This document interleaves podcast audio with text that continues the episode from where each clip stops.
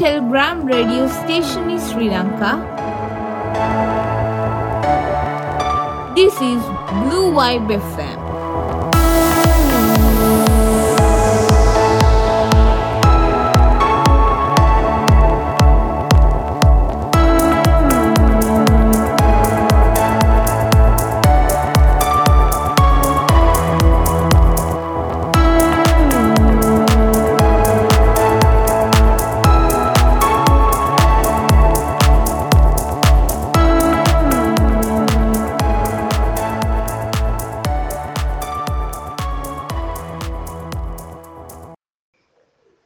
සුබ සන්ධ්‍යාවක් ඔබ සියලු දෙනාටම. Blue Wife FM Travel with Ravi and Mahi වැඩසටහනේ අද අපි යන්න හදන්නේ කොහෙටද කියලා ඔයගොල්ලෝ දන්නවද? අද අපි යන්න හදන්නේ සීතල නුවරඑළියට. ඉතින් අද මේ අඩහෝරාවේ අපිත් එක්කම රැඳිලා ඉන්න කියලා ඔයගොල්ලන්ගෙන් ආදරයෙන් ඉල්ලනවා. බොහෝ විට මිනි ලන්ඩන සහ හඳුන්වන නුවරඑළිය ශ්‍රී ලංකාවේ විවේකයට සිටීමට කදිම ස්ථානයක්. නුවරඑළියෙහි සංචාරය කළ යුතු ස්ථාන රාශියක් ඇති අතර මුළු නුවරඑළියම සම්පූර්ණයෙන්ම වෙනස්.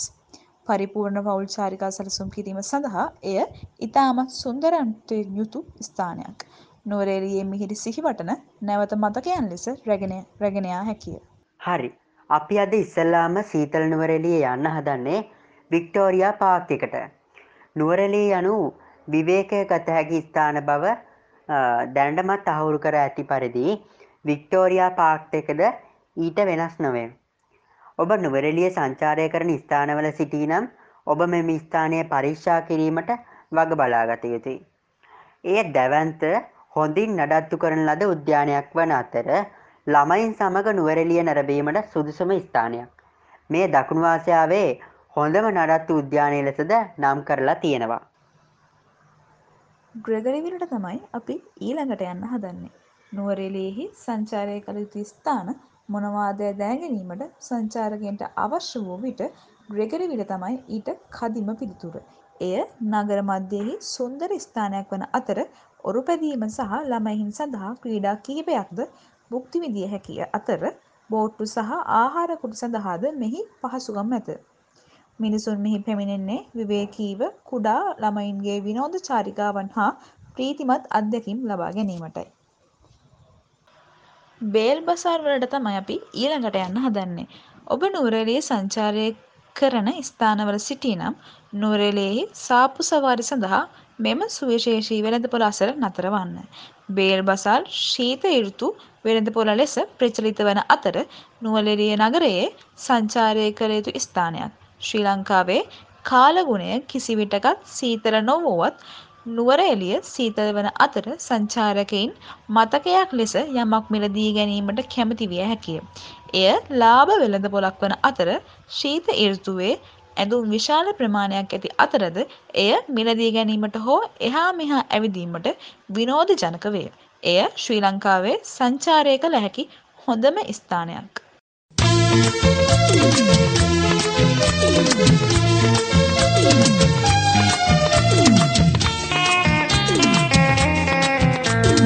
හිත සුළං අවට හමන්නේ. සුදු අලාකුලයි කන්දේ හැපෙන්නේ.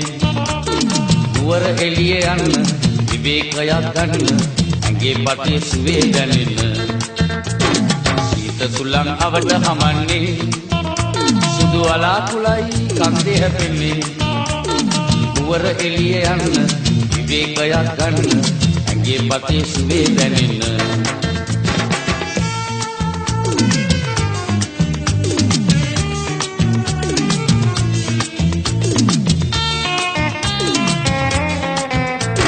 බලන්න ආසයි තක්කලි දීලා කොළ පාටට ගෝවා වැදීලා හඳුමුදුනේ බීට්‍රූට් පැසීලා සිරිසාරයි සරුසාරයි කන්ද උඩ රටේ සිරිසාරයි සරුසාරයි කන්ද උඩ රටේ සීත සුළං අවට හමන්නේ. සුදු අලාකුලයි කන්දේ හැපෙන්නේ. නුවර එළිය යන්න විවේකයක් ගන්න. ඇඟේ පතේ සුවේ දැනෙන්න.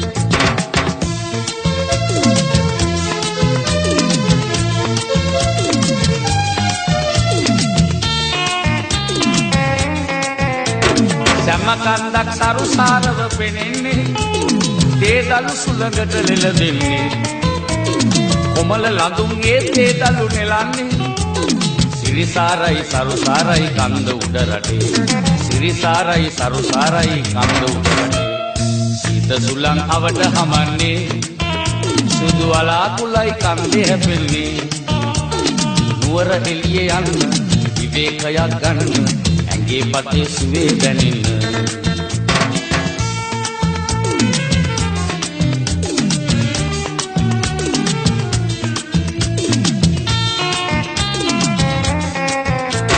සීතල සුළඟින් ගත සිත නිවෙන්නේ ගලනාදිය ඇලි සැමාට පෙනෙන්නේ. රසබර පළතුරු මිහිරයි ගෙනෙන්නේ. සිරිසාරයි සරුසාරයි කන්ද උඩ රටේ. සිරිසාරයි සරුසාරයි කන්ද උඩ රටේ සීත සුළං අවට හමන්නේ. සුදු අලාකුලයි කන්දේ හැපෙන්නේ. නුවර එළිය යන්න විවේකයක් ගන්න ඇගේ පතේ සුවේ දැනෙන්න. සීත සුළං අවට හමන්නේ. සුදු අලාකුලයි කන්දේ හැපෙන්නේ. නුවර එළිය යන්න විවේකයක් ගන්න ඇගේ පතේ සුවේ දැනෙන්න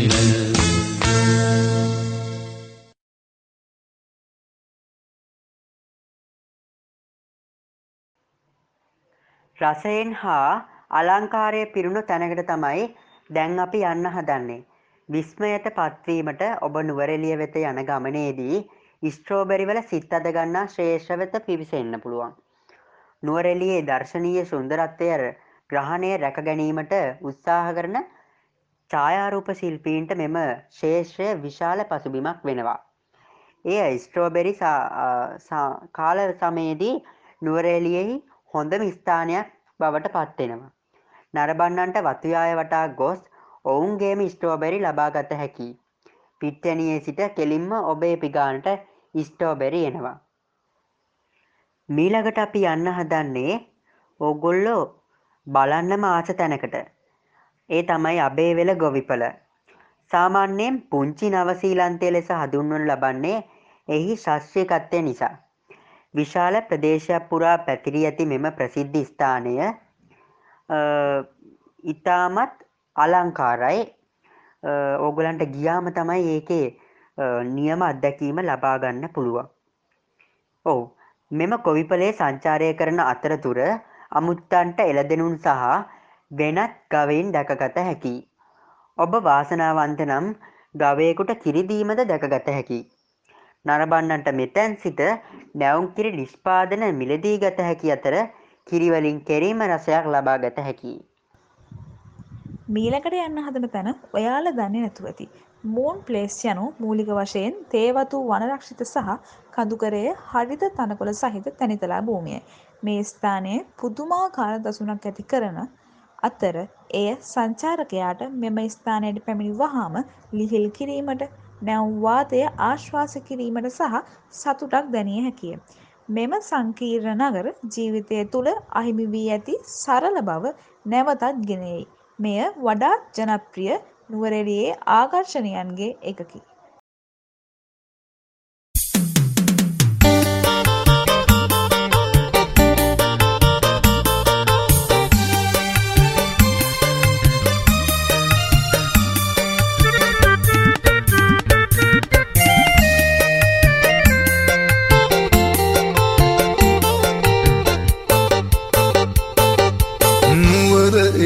සිසිල් බවයි විටකදි හද මඩල.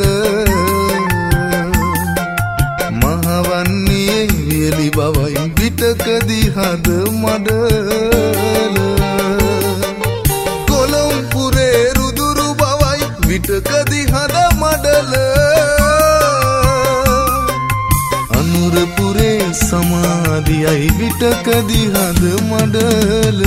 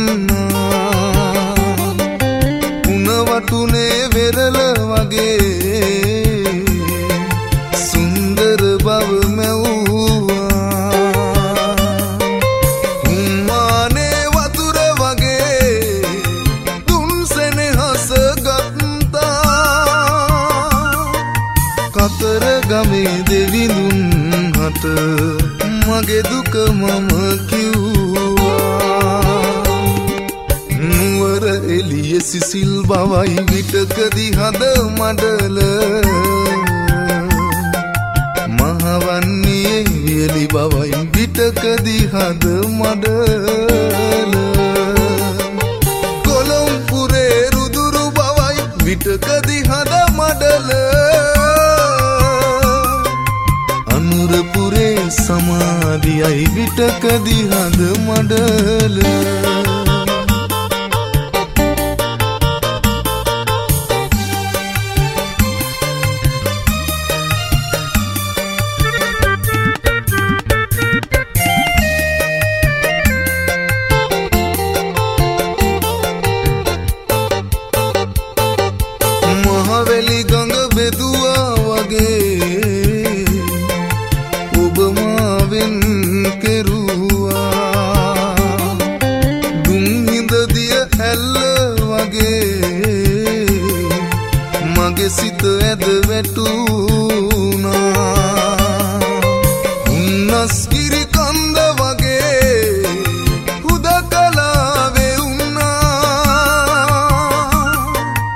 ඉසුරුමුණි පෙම්යුවලට මගේ දුක මම කිව්වා.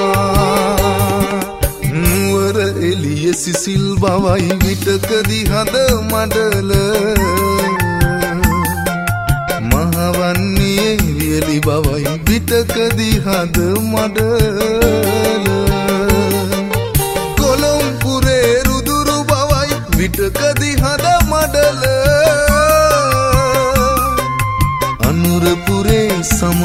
සමාධියයි විටකදි හද මඩල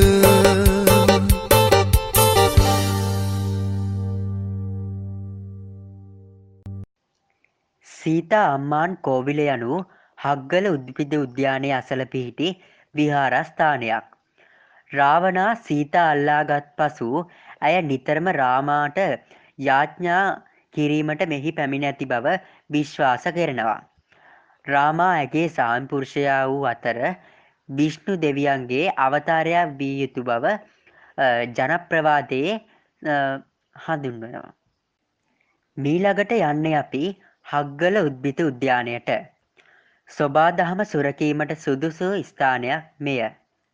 එය අක්කර විසිඅටක ස්වබාදහමක්. උද්‍යානයේ විශාල මල් හා විදේශීය ශාක තියෙනවා. මෙම ශාක හා Malwatta fernery rock garden arboretum rose garden සහ ග්ලාස් හවස් වැනි විවිධ උප උද්‍යානවලට බෙදා ඇති අතර නුවරඑළියෙහි සංචාරය කළ යුතු ස්ථාන අතර අනිවාර්යයෙන්ම නැරඹිය යුතු ස්ථානයක්.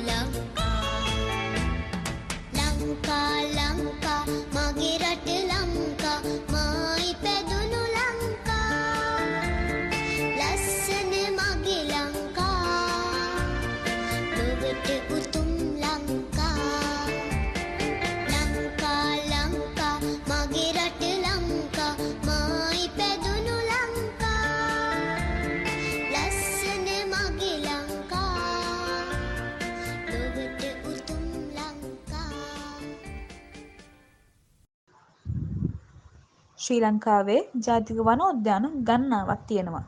ගැල්වේ ලෑන්ඩ් ජාතික උද්‍යානය නගරයේ ප්‍රසිද්ධ ජාතික උද්‍යාන කිහිපයෙන් එකක් වන අතර කුඩාම එකක්ද වේ. මෙය බොහෝ විදේශීය පක්ෂීන් හා සතුන්ගෙන් සමන්විත වන අතර ජෛව විවිධත්වය ගොඩනැගීමට සමපාත වනවා. අක්කර විසි හතක වපසරියකින් යුත් මෙම උද්‍යානය දුර්ලභ සංක්‍රමණික පක්ෂීන් විශේෂ විස්සක් සහ ස්වදේශ පක්ෂීන් විශේෂ තිහක්ද පමණ වාසය කරනවා. ඊළඟට යන්න හදන තැන ගොඩාක්ම වැදගත් තරුණ පරපුටට තමයි. ආදර කතා සඳහා ප්‍රසිද්ධ වූ ලවර්ස් ලීප් නුවරැලියෙහි සුන්දරම ස්ථානයක් බවට පත් කරනවා. නුවරැලියෙහි වඩා සුන්දර දියැල්ලෙන් එකක් වන මෙය කිලෝමිටර් තිහක උසකින් ඇදහැලෙනවා. ආදරයේ නාමයෙන් පෙම්වතුන් පිම්මක් පැනගිය නමුත් දර්ශන නැරබීම සඳහා ඔබ එහි යා යුතුමයි. ඔබ නුවරලියෙහි ස්ථාන නැරබීමට යන්නේ නම් ඔබ මේ දැන් කතා කරන සුන්දර ස්ථානයට යා යුතුව බව වග බලා ගන්න. මේ සුන්දර දියැල්ල ඒ තමයි රම්බොඩ දියැල්ල. මෙය උස්බීම් කඳු වැටි තැනිතලා ඇලදොල සහ කඳුකර කඳුවලින් සමන්විත දර්ශනීය භූදර්ශන සඳහා ප්‍රසිද්ධයි. හොඳම ආකර්ශණීය ස්ථානය වන්නේ රම්බොඩ දියැල්ලයි. එය මහනුවර සහ නුවරෙලිය අතර පිහිටල තියෙනවා.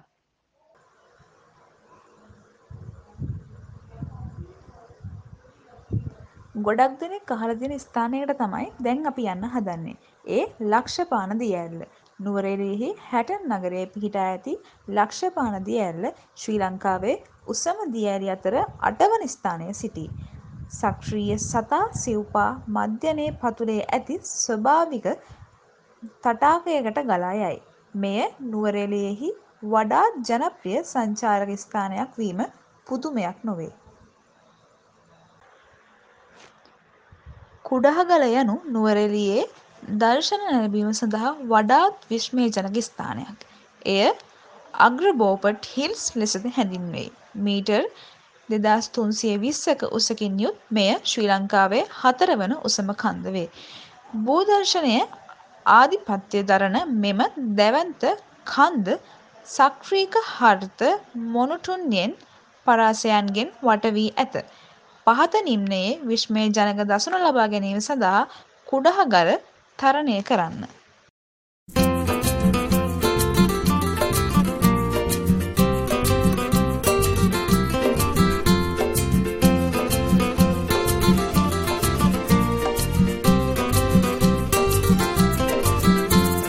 නුවර එළිය යන්න හොඳ විවේකයක් ගන්න. අම්ම කීවෙ මෙන්න මෙය හොඳින් නසා ගන්න.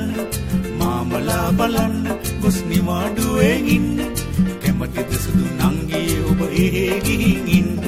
නුවර එළිය යන්න හොඳ විවේකයක් ගන්න. අම්ම කීවෙ මෙන්න මෙය හොඳින් නසා ගන්න. මාමලා බලන්න ගොස් නිවාඩුවේ ඉන්න. කැමතිද සුදු නංගී ඔබ එහෙ ගිහින් ඉන්න?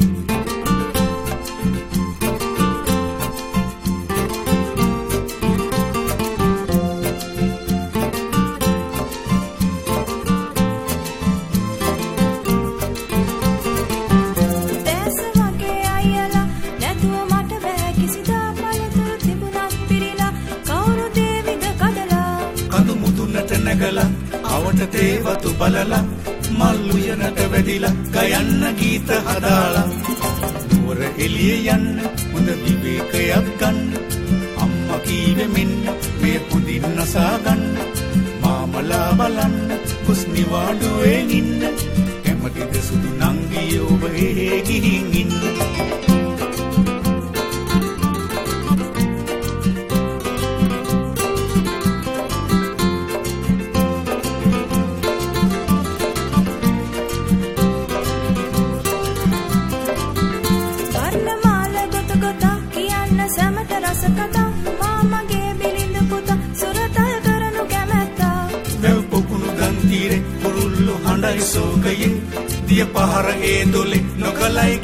தங்கிய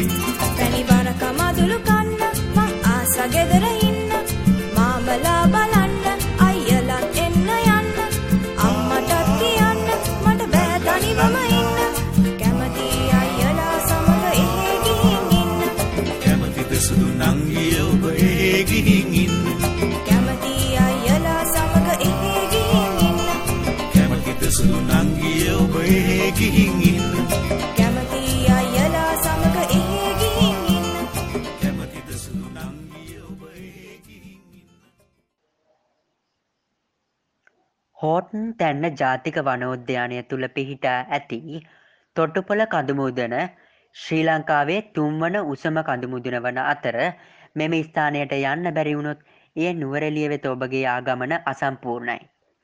නුවරෙලිය කලාපයේ මීටර් දෙදස් තුන්සේ පනස් හතක් උස මෙම කන්ද දේශය භාෂාවෙන් තොටුපොළ කන්ද ලෙස හඳුන්වනවා. මේ නුවරෙලියේ වඩා ජනප්‍රිය සංචාරක ස්ථානයක්. මෙම ස්ථානයේ ස්වාභාවික සුන්දරත්වයට අමතරව ඒ හා බැඳුණු මිත්‍යා විශ්වාසයන්ද සංචාරකයන් ආකර්ශණය කරගන්නවා. පුරාණ ඉන්දයානු වීරකාවයන් වන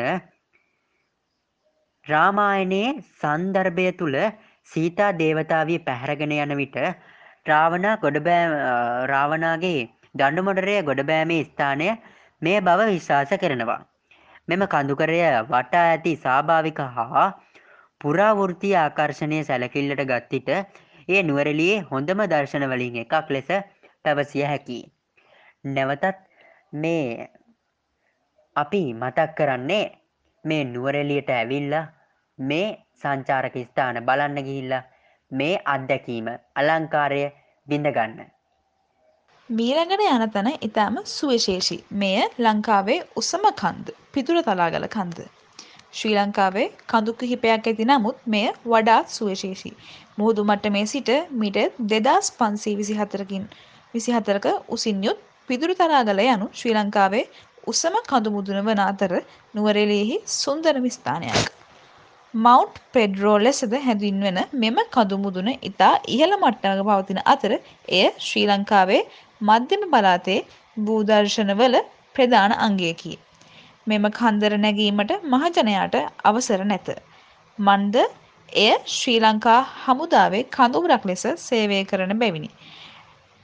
ඇබඩීන් දියඇල්ල වඩාත් දර්ශනීය නුවරෙලියේ ආකර්ශණයන්ගෙන් එකකි. මෙය කැලනිගගේ ප්‍රධාන අතුගඟාවක් වන කෙහෙල් ගමුවය වෙත මීටර් අසූ නමයක් උස ජල වැටීමකි. දියඇල්ල පාශානමය වන අතර ජරනල තටාකයක් නිර්මාණය කරයි. එය හරිත පැහැයෙන් වට වී ඇති අතර එය සිත් ඇදගන්නා සුළු පෙනුමකි. ඔව් අපි සංචාරයේ අවසානයට තමයි ඇවිත් ඉන්නේ. ලබන සතියේ ඉතාම සුවිශේෂී වැඩසටහනක් ගෙන එන්න තමයි අපි හිතාගෙන ඉන්නේ. ඒ තමයි ශ්‍රීපාදය. ලබන සතියේ හමුවීමේ බලාපොරොත්තුවෙන් අදර සමුගන්නවා සමුගන්නා මොහොතේත් විශේෂයෙන් මතක් කරන්නේ ඔබ මේ මොහොතේ නිවසේම සිටින්න. සංචරණය සීමා කරන්න සෞඛ්‍ය උපදෙස් නිසි පරිදි පිළිපදින්න. පරිස්සමෙන් සිටින්න ඔබ සැමට සුබ සුවබර දවසක්. මම රවිශාන් නිලවීර. මම සියුමි මහේෂා. මේ තමයි ට්‍රැවල් විත් රවියන් මහි. දිවාරෑ රකින අපේ කම පිරුණ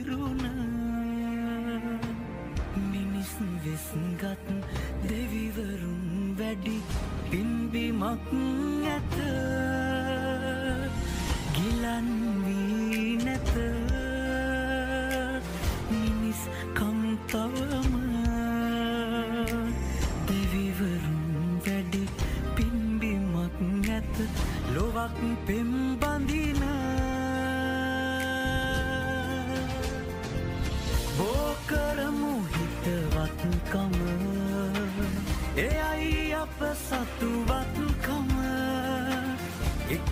ජය ගමු හැම තැන අපේමයි අපි ඔක්කොම. අපේමයි අපි ඔක්කොම. එකෙක්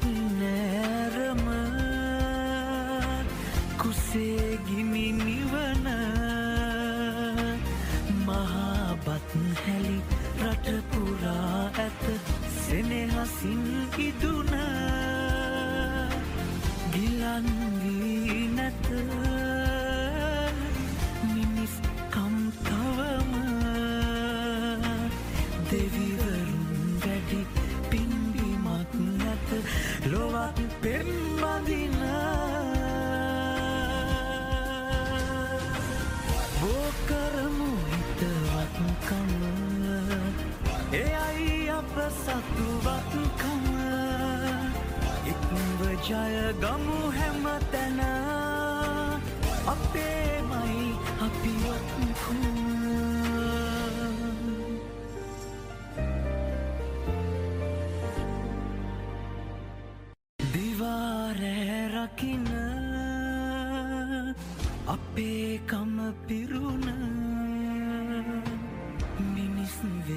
වෙස්ගත් දෙවිවරුන් වැඩි පින්බිමක් ඇත.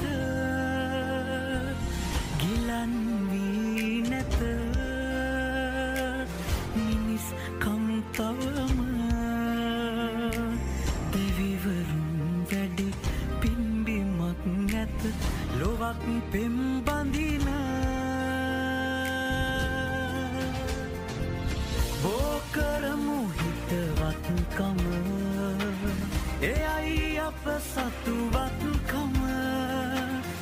ජය ගමු හැම තැන. අපේමයි අපි ඔක්කොම. අපේමයි අපි ඔක්කොම. එකෙක් නෑරම. කුසේගිමි නිවන.